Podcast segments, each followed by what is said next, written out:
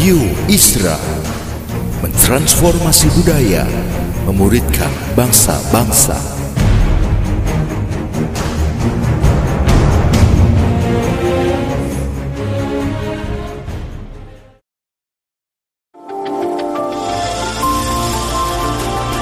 Voice of Pradaim menyuarakan paradigma kebenaran firman Tuhan yang esensi untuk memperlengkapi Anda menggenapi misi dan panggilan ilahi. Selamat mendengarkan.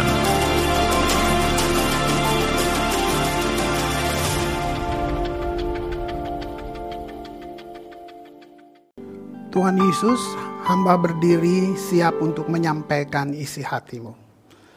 Dan aku percaya bahwa firmanmu berkuasa firmanmu dapat mengubah seluruh hidup kami. Kami butuh suaramu. Kami mau menerima apa yang dunia tidak bisa berikan untuk kami. Mari Abah berbicaralah. Kami siap menerimanya di dalam nama Tuhan Yesus. Amin. Shalom saudara. Hari ini dalam semua situasi yang kita sedang alami sebagai orang percaya, saya menegaskan kembali satu pengajaran menjadi satu dasar kuat supaya kita tidak goyang. Apa itu? Kita perlu memahami kesempurnaan kasih Kristus buat kita. Karena berita apa pun semua yang negatif bisa datang dan mengganggu kita. Sebab itu kita harus menyadari satu fakta bahwa seluruh kehidupan Kristen gitu adalah bicara tentang dinamika gerakan kasih Allah yang tercipta ke arah kita. Itu dia.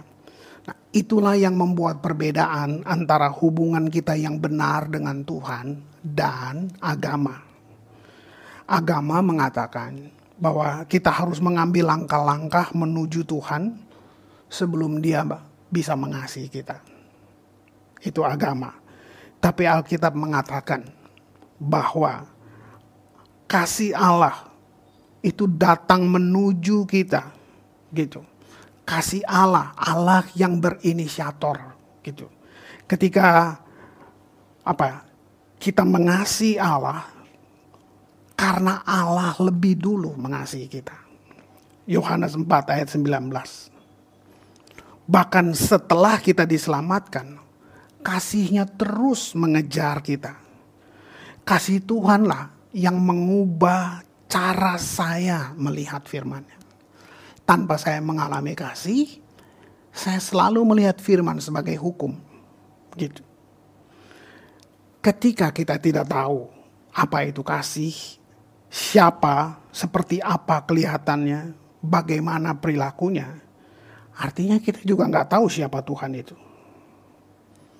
Siapa dia, bagaimana perilakunya, ketika kita tidak mengerti betapa dia mengasihi kita, maka kata kasih atau tanpa kasih atau yang disebut dengan kasih karunia menjadi kata yang asing buat kita.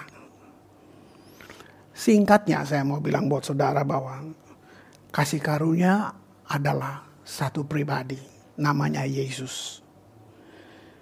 Tapi gini, berapa banyak orang Kristen mereka bisa mengatakan bahwa mereka memiliki pewahyuan tentang Yesus.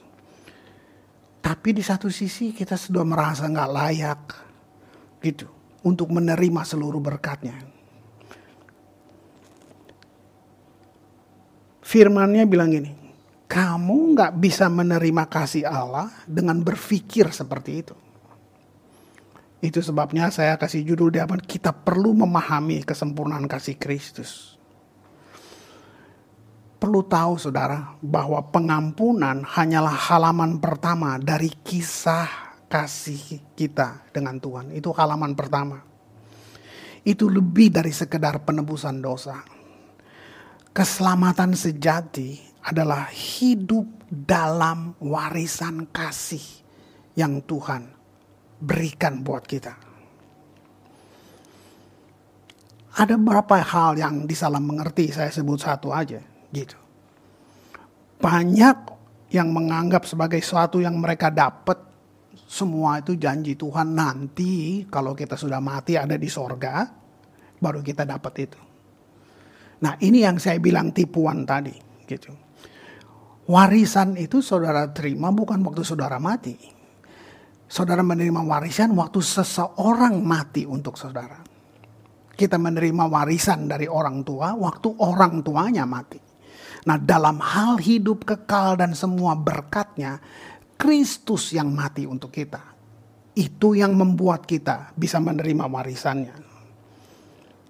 Efesus 3 ayat 16 sampai 19.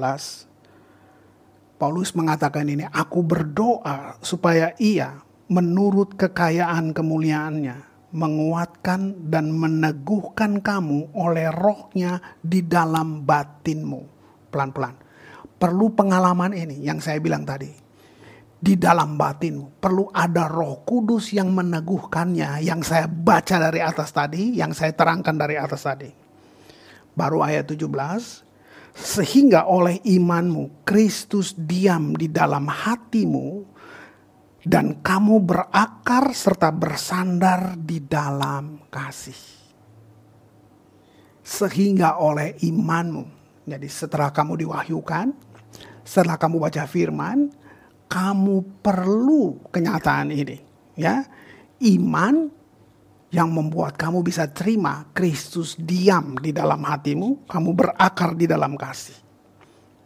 Ayat 18, aku berdoa supaya kamu bersama-sama dengan seluruh orang kudus dapat memahami betapa lebarnya dan panjangnya dan tingginya dan dalamnya kasih Kristus Ayat 19 dan dapat mengenal kasih itu sekalipun ia melampaui segala pengetahuan. Aku berdoa supaya kamu dipenuhi di dalam seluruh kepenuhan Allah. Wow, saudara, sangat dalam, sangat luar biasa firman ini. Jadi, menurut Alkitab, kepenuhan Allah Itulah warisan kita yang percaya kepada Dia. Jadi, seharusnya pewahyuan yang benar tentang hal ini melahirkan di dalam diri kita satu rasa lapar, rasa rindu untuk mengalami semua kebaikan Tuhan. Gitu. Jadi saudara bisa melihat sampai ke depan berdasarkan apa yang Tuhan sudah buat di dalam kita. Gitu. Jadi ingin mengenal Tuhan itu bukan hal yang egois. Ingin berjalan dalam kepenuhan janjinya itu bukan tentang serakah banget sih, bukan, bukan. Mazmur 84 ayat 12 saya bacakan. Sebab Tuhan Allah adalah matahari dan perisai. Kasih dan kemuliaan. Lihat, ia berikan ia tidak menahan kebaikan dari orang yang hidup tidak bercela.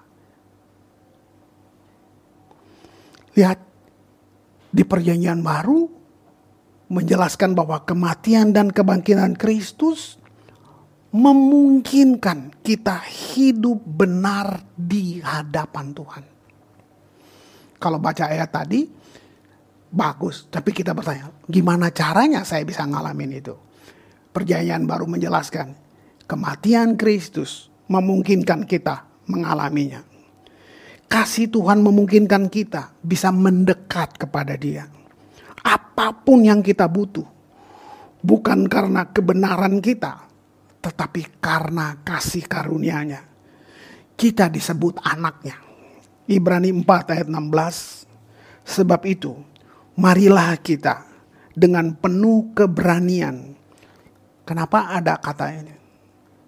Karena kita bisa ragu-ragu. Kita selalu, apa mungkin ya? Masa sih? Kira-kira gitu ya. Nah, sebab itu marilah kita dengan penuh keberanian menghampiri takhta kasih karunia supaya kita menerima rahmat dan menemukan kasih karunia untuk mendapat pertolongan kita pada waktunya.